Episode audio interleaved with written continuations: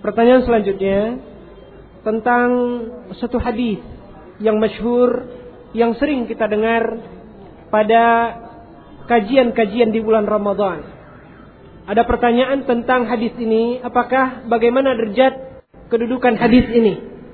Bagaimana derajat hadis ini yang sering kita dengarkan di mana katanya ada hadis Nabi Shallallahu alaihi wasallam yang membagi Ramadan ini menjadi tiga bagian.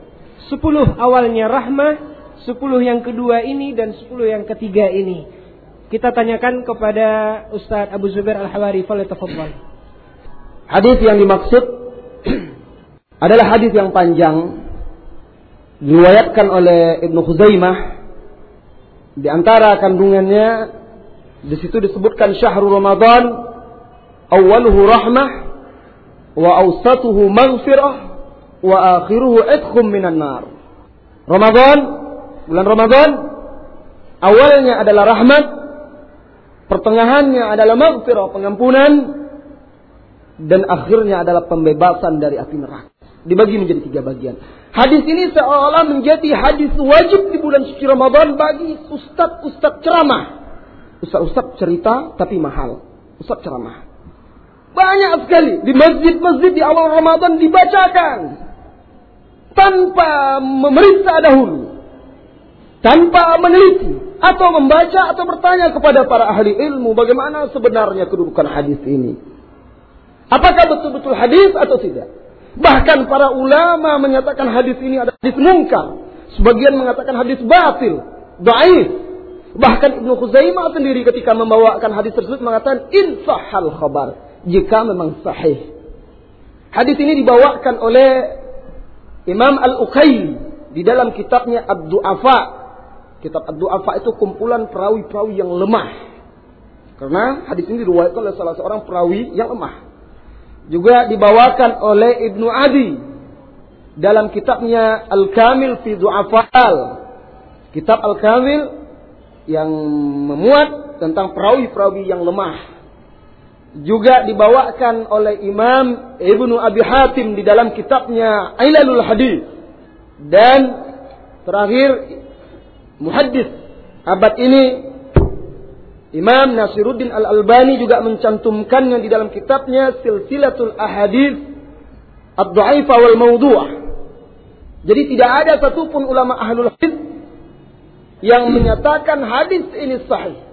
Bahkan juga imam-imam lainnya seperti Imam Ash-Shawqani di dalam kitabnya Al-Maqasid Al-Hasanah juga membawakan hadis ini sebagai sebuah hadis yang lemah. Tidak boleh seseorang meriwayatkan hadis yang lemah. Menyampaikannya kepada masyarakat kecuali dengan menyebutkan bahwasanya hadis itu lemah dan tidak mengatakan secara tegas dan pasti bahwa itu adalah sabda Rasulullah sallallahu alaihi wasallam. Kenapa? Karena Rasulullah sallallahu alaihi wasallam mengancam Man kadzdzaba alayya muta'ammidan falyatabawwa maq'adahu minan nar. Barang siapa yang bersengaja berdusta atas namaku maka hendaklah dia bersiap-siap mengambil tempatnya di api neraka. Hadis lemah adalah hadis yang didustakan atas nama Rasulullah sallallahu alaihi wasallam. Apalagi kalau hadis tersebut hadis mungkar, maudhu, palsu. Lebih dahsyat lagi. Dan juga hadis Lemah tidak bisa dijadikan sandaran untuk amal. Oleh karena itu wajib kita sampaikan kepada masyarakat kita, wajib para khatib, para ustaz, para dai-dai khususnya dai musiman di bulan suci Ramadan. Hati-hati. Pelajari baik-baik. Teliti baik-baik sebelum menyampaikan ilmu. Karena berbicara dalam agama Allah tanpa ilmu adalah salah satu perkara yang diharamkan oleh Allah di dalam Al-Quran. Qul innama harrama al fawahisha ma dhahara minha wa ma batana wal ith wal baghy bighairi al haqq wa an tusyriku billahi ma lam yunazzil bihi sultana wa an taqulu 'ala Allahi ma la ta'lamun. Katakan hai Muhammad, sesungguhnya yang diharamkan oleh Rabbku perbuatan yang keji zahir dan batin dan melakukan kesyirikan dan engkau berkata atas nama agama Allah dengan sesuatu yang engkau tidak ketahui yang engkau tidak memiliki ilmu dalam hal itu. Allahu a'lam.